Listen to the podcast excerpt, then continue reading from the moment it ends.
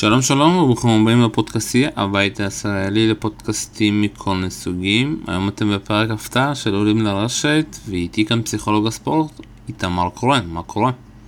בסדר גמור, מה נשמע? כבוד להיות כאן.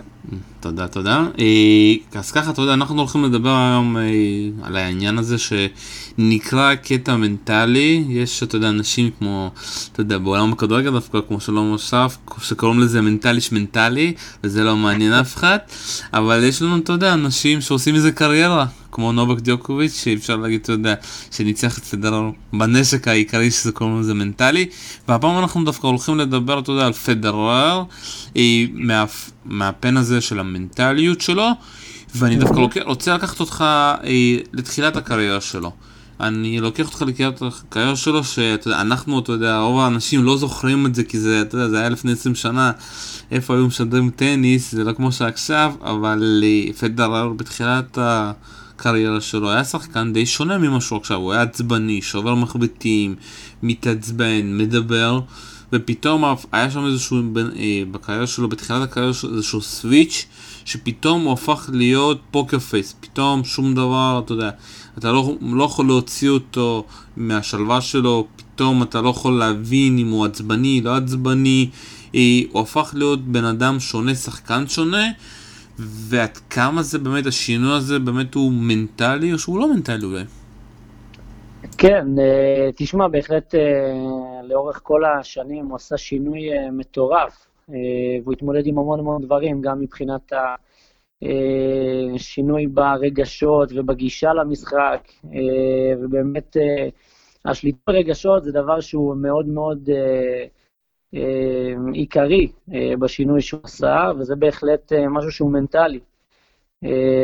זאת אומרת, הרבה פעמים אנחנו נזרקים במהלך המשחק לכל מיני דברים שיכולים להוציא אותנו מהשלווה ומהפוקוס, והוא יודע, הוא למד גם לאורך השנים באמת להתרכז בדברים החשובים במשחק, אה, וכמעט שום דבר לא יכול אה, להשפיע עליו. זאת אומרת, הוא דבוק אה, מאוד לתוכנית המשחק שלו, ואנחנו רואים את זה בנקודות גם כשהוא מפסיד, אז הוא נשאר מאוד מאוד מרוכז, ואפילו נהיה יותר טוב מנקודה לנקודה. וזה חלק מהקסם שהוא עשה, וגם הרבה שחקנים מנסים לעשות, וזה גם מוביל לזה שהוא אה, כמעט ולא מפסיד. זאת אומרת, אה, מאז השינוי הזה, אה, אנחנו רואים שהוא זוכה גם בלא מעט תארים, הוא מגיע לשלבים מאוד מאוחרים בטורנירים, וזה בהחלט משהו שהוא מנטלי, שדורש עבודה, אבל הוא בהחלט עשה שינוי גדול מאוד. אבל איך באמת עושים את זה, אתה יודע, את השינוי הזה? כל אחד בטח, אתה יודע, כשהוא היה צעיר, אמר לו שאסור לזרוק מחבט, שאסור להתנהג ככה. את אתה יודע, יכול להיות שבאמת איזשהו מאמן בא ואמר לו, אבל כדי, אתה יודע, אחד הדברים שאנחנו גם שמים אצל פדררה, שמכל מאמן, מכל בן אדם שמלווה אותו, הוא, לומד, הוא לומד משהו, ומה אתה באמת חושב ש... מה המילה, אתה יודע, מה מילת הקסם שבפדרר באמת מיישם את זה פתאום והופך להיות אה, מין בן אדם שלא מראה את הרגשות שלו. כן, תשמע, אני חושב שאין פה איזושהי מילת קסם אחת, זו עבודה שדורשת זמן, וזה איזשהו תהליך שאתה עובר גם עם המאמן וגם עם הצוות המקצועי וגם אפילו עם עצמך.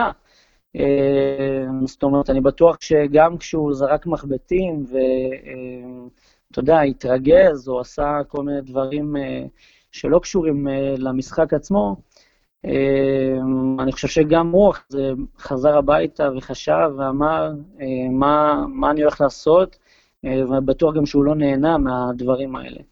אמ, אבל מה שבהחלט אפשר לעשות, אה, זה קודם כל לשפר את הריכוז אמ, על ידי כמה דברים. זאת אומרת, רוב, הרבה שחקנים חושבים בעיקר על הניצחון הגדול. אמ, עכשיו, הניצחון הגדול זה מילה שהיא מאוד מאוד גדולה ויפה, ואז גם כשמשהו לא הולך באמצע המשחק, אז באמת יש את השינוי ברגשות ושינוי בפוקוס של המשחק, אה, ואז כשאתה רואה שאתה מתרחק מהניצחון הגדול, אה, אז גם כל המשחק שלך יורד, וגם המוטיבציה יורדת, ואתה מתחיל לעשות יותר שטויות במהלך המשחק, וזה גם בסוף מוביל לזרוק מחבטים או דברים כאלה. אבל מה שהוא עשה, חלק מהשינויים הגדולים שהוא עשה, זה באמת להתרכז יותר בדברים הקטנים, בנקודות הקטנות של המשחק. זאת אומרת, אם uh, משהו קורה במשחק, הוא מתרכז בכל נקודה ונקודה, אם זה לעשות סרב יותר טוב, או רק להכניס את הכדור למגרש, או ליהנות מהקול של הקהל כשהוא מנצח, ואז לנסות בעצם להשיג עוד ועוד את הקול הזה. ובעצם ברגע שהוא מתרכז רק בלנצח כל פעם את הנקודה הבאה, אמ, ככה בסופו של דבר הוא משיג את המטרה הגדולה שזה ניצחון במשחק. אבל אם אתה הולך בשיטה ההפוכה של אמ, רק המטרה הגדולה, אז הרבה דברים יכולים להשתבש בדרך, ובגלל זה חשוב באמת לחשוב אה, בגישה של, אתה יודע, איך לנצח את הדברים הקטנים. אז בוא, אתה יודע, נחזור למה שאנשים, או בעיקר עודד פדרר, לא רוצים לזכור, וזה באמת המשחק האחרון שלו מול נובק, שאתה יודע, הרבה בחרו וסיפרו סיפורים, ש... ואתה יודע, גם הלכו כל מיני הלצות, משחק חוזר, כי הבן אדם שיחק הכי טוב, זה לא היה כוחות, אבל שוב פעם, אתה יודע, אם אנחנו מנתחים את זה, ואתה גם בפודקאסט סיכום שלי דיברתי, נובק, אתה יודע, הוא, הוא מבין את החוקי המשחק בצורה טובה. אתה יודע, הוא, כן. מבין, הוא מבין שמול פדרר, אתה יודע, הוא לא יכול לשחק יפה יותר כמוהו. בנשק הזה הוא לא יכול לנצח. אז נובק החליט לנצח אותו בנקודות החשובות. ובואו ננסה, אתה יודע, לנתח את המשחק הזה מבחינת איפה פדרר היה בנקודות החשובות. ויש פה כמה נקודות, בואו אני ככה, אני מוצא פה שלוש נקודות, ארבע נקודות. נתחיל בנקודה אולי הראשונה, וזה השובר שוויון, ולמילה שנובק אמר בסיום המשחק. ששאלו אותו, אתה זכית פה בכל שוברי שוויון? אז הוא אמר, כן, אני רציתי להגיע, להגיע לשובר שוויון, כי אני בטוח שמה. איך הגיוני שנובק דיוקוביץ' רוצה להגיע לשובר שוויון מול השחקן, אפשר להגיד, הכי גדול, אתה יודע, בעולם הטניס, השחקן, אם אני לא טועה, עם הרקרוט הכי טוב בשובר שוויון, איך פתאום יש לו יתרון בדבר הזה? אה, תשמע, קודם כל אין ספק שבמשחק הזה היה קרב אה, מוחות אה, משוגע בין שני השחקנים מעבר לפיזיות, ובאמת שזה נמשך גם כל כך הרבה זמן, שנכנסים גם כל מיני דבר, דברים פיזיים, כמו עייפות ודברים כאלה. אבל זה באמת איזושהי הכנה שהוא עשה לפני, זאת אומרת, הוא ידע והתכונן כנראה לשובר השוויון, אה, וידע ששם הוא הולך אה, לעשות איזשהו סוויץ' בראש, או אה, שהמוטיבציה שלו תגדל דווקא ברגעים האלה. ואני חושב שהוא הצליח לעשות את זה באמת על ידי הכנה מנטלית. יש בטניס דבר שנקרא imagery באנגלית, או הדמיה, שבה בעצם השחקנים מתכוננים בדיוק לרגעים האלה. אה, במהלך ההדמיה בעצם עובדים עם אה, פסיכולוג ספורט או עם אה, אנשי הצוות שמתמחים בתחום הזה, ובעצם חיים את המשחק דרך כל החושים שזה כולל, אתה יודע, הם רואים מה קורה במשחק, הם מרגישים מה קורה בנקודות האלה, עוד לפני שהמשחק מתחיל. אה, וככה, בזמן ש... שהוא מגיע לשובר השוויון במשחק הזה, או לאיזושהי נקודה שהוא התכונן עליה, הוא בעצם כבר היה שם, והוא בעצם התכונן לזה שהוא יפעל הכי טוב שלו בדיוק ב... ברגע הזה, וככה זה היה, וזה גם בסוף הדברים שעושים את ההבדל. אני בטוח ששניהם התכוננו מנטלית, אה, וגם כנראה בשיטה הזאת, אבל זה בדיוק ההכנה והמלחמה, אה, אתה יודע, שעושים... אה, איך מתכוננים למלחמה יותר נכון, וזו הכנה שעושים לפני. וככה בעצם זה מה שעושה את ההבדל על המגרש. אבל איך אפשר להסביר את ההבדלים הגדולים? זה לא נראה שכל שלושת השובי השוויונים היו באותו רמה, אתה יודע, אפשר להגיד איך המשחק היה, המשחק היה בשליטה של פדרר, ובשובר שוויון אנחנו לא ראינו שום שליטה, לא ראינו שהסרבים של פדרר נכנסו, ראינו רק שחקן אחד במגרש, איך אתה מסביר את ההבדלים בשובר שוויון לבין המשחק הרגיל, אתה יודע, אפשר להגיד, אם אנחנו לוקחים את זה לעניין הכדורגל, זה כמו הקבוצה היותר טובה, בסוף לא מצליחה להפקיע ומגיעה בפנדל, ובפנדל היא מפסידה, אתה יודע. כן, אז uh, בעצם פה, יכול להיות שגם הוא הופתע, uh, או אתה יודע שהיה פה איזשהו רגע שלא היה בהכנה, ואז פתאום הכל נפל, או שבאמת הפערים הלכו וגדלו.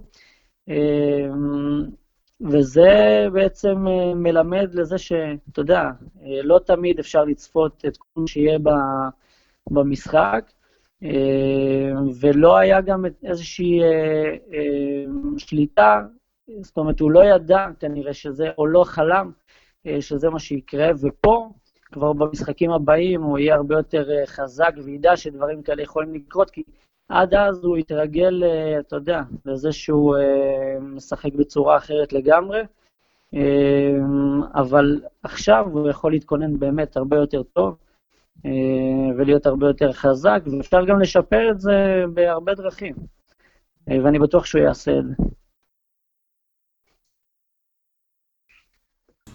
אתה יודע, סתם מעניין אותי ככה קצת, נצא מהרגע של פדרר, איך, איך אתה, אתה יודע, כפסיכולוג ספורט מכין שחקן טניס, האם אתה יודע, לא יודע באיזה גילאים אתה, השחקן שאתה אה, מלווה אותו, אבל אתה נותן לו כל מיני, אה, אפשר להגיד, אה, מטרות אה, למשחק, או שאתה באמת מכין אותו לגבי כל סיטואציה, איך, איך הוא, אתה יודע, צריך להיות שם? כן, אז קודם כל כשעובדים עם שחקן, אז אין, יש הרבה הבדל בין השחקנים, זאת אומרת, המשחק הוא אותו משחק, אבל כל בן אדם הוא כשלעצמו, ובעצם קודם כל אני לומד את השחקן, אני לומד מה היכולות החזקות שלו, מה השליליות שלו, באיזה רגעים uh, יורדת לו המוטיבציה, באיזה רגעים הוא uh, טוב יותר, מתי הוא מאבד ריכוז, אבל אחרי שאני עושה את ההערכה הזאת, אני בעצם יודע להתאים לו את הטכניקה הנכונה. אמ, טכניקה שאני אוהב להשתמש בה היא גם הדיבור העצמי, זה נקרא, אה, שבה בעצם אני אה, מלמד את השחקן איך אמ, לדבר לעצמו בצורה הרבה יותר אה, חיובית באמצע המשחק. זאת אומרת, אמ, כשיש בעיה, לדוגמה, אם מישהו, הוא מתכונן לתת סרב, והוא אומר, אין סיכוי עכשיו שאני אכניס את הסרב הזה, אז כבר הוא מוריד את הסיכוי שהסרב הזה באמת יהיה אפקטיבי ויעיל וייכנס למגרש. אה, אז בעצם אני מלמד אותו, גם בעזרת שיטה שנקראת אה, CBT, אה, אני מלמד אותו איך לחשוב קצת אחרת. זאת אומרת, לא אין סיכוי שאני אכניס, אלא אני יכול להכניס, אבל אולי לא בעוצמה הכי טובה שלי.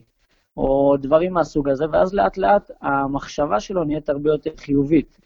אה, וגם בשיטת ההדמיה, זאת אומרת, אנחנו עושים את זה או באיזשהו חדר שקט ורגוע, או על המגרש עצמו, אה, ושם בעצם אנחנו מדמים אה, איזשהו תרחיש, אם זה תרחיש מהמשחקים האחרונים שהוא היה פחות טוב בו, או תרחישים לקראת איזושהי תחרות שאנחנו יודעים שהיריב אמ, הוא חזק בדברים מסוימים, או שהוא אולי יפתיע אותו בכל מיני נקודות, אז אנחנו מדמים אה, ומנסים אה, בעצם לקרב את השחקן אה, דרך הדמיון כמה שיותר למגרש, ושיחוש גם את הלחץ של הקהל וגם את ההרגשה של המגרש וגם מה הוא רואה בכל מקום על המגרש, איפה שהוא עומד. וככה בעצם אנחנו יודעים לשפר אצלו את, ה, את הדברים החלשים, וכמובן גם להכין אותו בכל מיני נקודות שאולי יכולים להפתיע אותו. להדמיה הזאת יש בעצם כמה יתרונות מרכזיים, שזה בונה גם מוטיבציה וביטחון עצמי, גם עוזר לו בניהול לחצים uh, ולהתמודדות עם משברים תוך כדי המשחק. Uh, מה קורה כשאתה מפסיד נקודה, או, מנ... או אה, נפצע, או כל מיני דברים אה, שיכולים אה, לשנות את תוכנית המשחק, על ידי ההדמיה אתה בעצם יודע להתכונן לרגעים האלה ויודע מה לעשות כשהדברים האלה קורים. מעבר לזה, זה גם מאפשר כל מיני למידה של יכולות חדשות. זאת אומרת, אם אתה רוצה לשפר את הפורן שלך, או את הבקן, או את הוולי שלך, או את העוצמה של הטרף, גם זה אפשר לעשות דרך הדמיה. אמ, וכמובן שזה עוזר, כמובן, כמו שדיברנו, גם אה, בריכוז אה, בזמן המאמץ, כי ככל שגם מתקדם המשחק, הריכוז יורד גם מבחינת העייפות של הגוף. אה, אז עם האדמה, יכול להיות שהגוף עייף, אבל המוח נשאר מאוד מאוד חזק, וזה מה שמאפשר גם לגוף לפעול הרבה יותר טוב.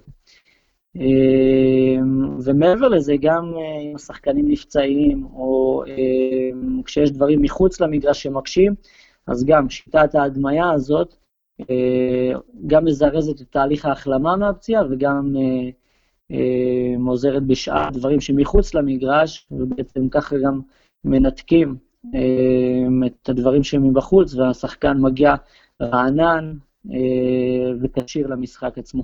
ולכאן אני מגיע עם השאלה לגבי, אתה יודע, שתי נקודות של מאץ' פוינט של פדרר, שכולם לוקחים את זה, אתה יודע, היו באבל בגלל הנקודות האלו, והשאלה היא, אתה יודע, איך, אתה יודע, פדרר הוא אחד השחקנים אולי הגדולים ביותר אה, שיכולים, אתה יודע, אה, לדעת איך להתנהג בנקודות האלו, אבל כאן אני מכניס משהו אחר, אתה יודע, יש להרבה אנשים, שחקנים, אה, את העניין הזה שהם היו היו באיזשהו מקום בסיטואציה והם לא הצליחו ואז פתאום הפלשבקים חוזרים.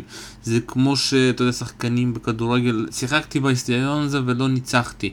או שיש כאלה קבוצות, אתה יודע, משכיל את אה, ניוקוסל שתמיד אה, לא הייתה גורמת לכך שצ'לסי תמיד הייתה מפסידה לה, או תיקו. אתה יודע, יש כאלה את העניין הזה של ה... שאתה היית שם ואתה לא מצליח, והאם אתה מרגיש שזה הסיבה שמה שהיה לפדרר, שפתאום בשתי הנקודות האלה הבן אדם הפך להיות קרח? אה, יכול מאוד להיות, זאת אומרת, אה, רצוי שזה לא יקרה, זאת אומרת, אם מכינים את השחקן אה, בצורה מנטלית נכונה, הדברים האלה כבר פחות קורים, אבל יכול מאוד להיות שיש משהו חדש, שאולי אפילו הוא גילה על עצמו שהתגלה במשחק הזה, שבאמת החזיר אותו למקומות אחרים, למקומות שגורמים לו לחרדה או לחץ, או באמת לאיזושהי ירידה במוטיבציה, או אפילו משהו שקרה קצת לפני המשחק, שפתאום הוא נזכר בו, שהפריע לו בגלל משהו שקרה, וזה בהחלט יכול לקרות. וזה כל היופי גם, שממשחק למשחק לומדים, גם אם מפסידים וגם אם מנצחים, אה, תמיד יש מה ללמוד אה, מהבחינה המנטלית, וככה אתה בא מוכן יותר אה, למשחק הבא, ואני בטוח שניתחו גם את הנקודות האלה, גם עם גם המאמן וגם הצוות המקצועי, ואני בטוח שלקראת המשחקים הבאים, הדבר הזה, אני לא יודע אם לא יקרה בכלל, אבל יקרה הרבה פחות. ואם יקרה, אתה יודע, זה רק מול נובק דיוקוביץ'. אה, לסיכום, אתה יודע, מה... בוא קצת נסכם, אתה יודע, לא, דווקא לא מצד של הפדרל, איזה דברים ראית בטורניר וימבלדון, במיוחד מבחינה מנטלית. אפשר להגיד על השחקנים, אתה יודע, אפשר לראות גם את הגמר של הנשים, שפתאום ילדה בת 15 מגיעה עד א', איך זה הגיוני, אתה יודע, אם אפשר לשאול, איך פתאום שחקנית כזאת קטנה, יש לה את ה... היא, אפשר להגיד, את הכוח המנטלי הזה, לא לפחד ולהיות בטוחה גם ברעיונות, היא, ולדעת מה היא צריכה לעשות ומה היא רוצה? כן, אז אני חושב שבאמת, אה, קודם כל הפסיכולוגיה של הספורט זה תחום שלאט לאט אה, מתפתח בעולם, אה, והשחקנים, בעיקר בטניס, מתחילים להבין את זה יותר ויותר. ואני חושב שהטורניר הזה התאפיין בעבודה מנטלית אה, מדהימה אה, לכל השחקנים בכל הרמות, אה, ובעצם מה שאפיין בעיקר זה שיפור היכולת של המוטיבציה, של להגביר את המוטיבציה גם תוך כדי המשחקים וגם לבוא נחוש ובאמת חזק יותר מבחינה מנטלית למשחק עצמו, כשאתה בטוח ויודע מה אתה הולך לעשות. וגם, כמו שאמרנו, יכולת הריכוז זה משהו שמאוד מאוד אפיין את הטורניר הזה שהשחקנים יודעים אה, לבוא מרוכזים או להתרכז בנקודות הקריטיות אה, ולתת את כל כולם אה, כדי להצליח ולהיות טובים יותר. וזה היה דבר מדהים לראות בכל הטורניר הזה, קצת שונה מבעבר, וזה הודות לפסיכולוגיה ולעבודה המנטלית. טוב, נראה לי כאן אנחנו נסיים. איתמר קורן, פסיכולוג הספורט, תודה רבה לך. תודה רבה, תודה. כאן היה שלום סיונו ותודה רבה שהקשבתם לעולים מהשט. ביי ביי.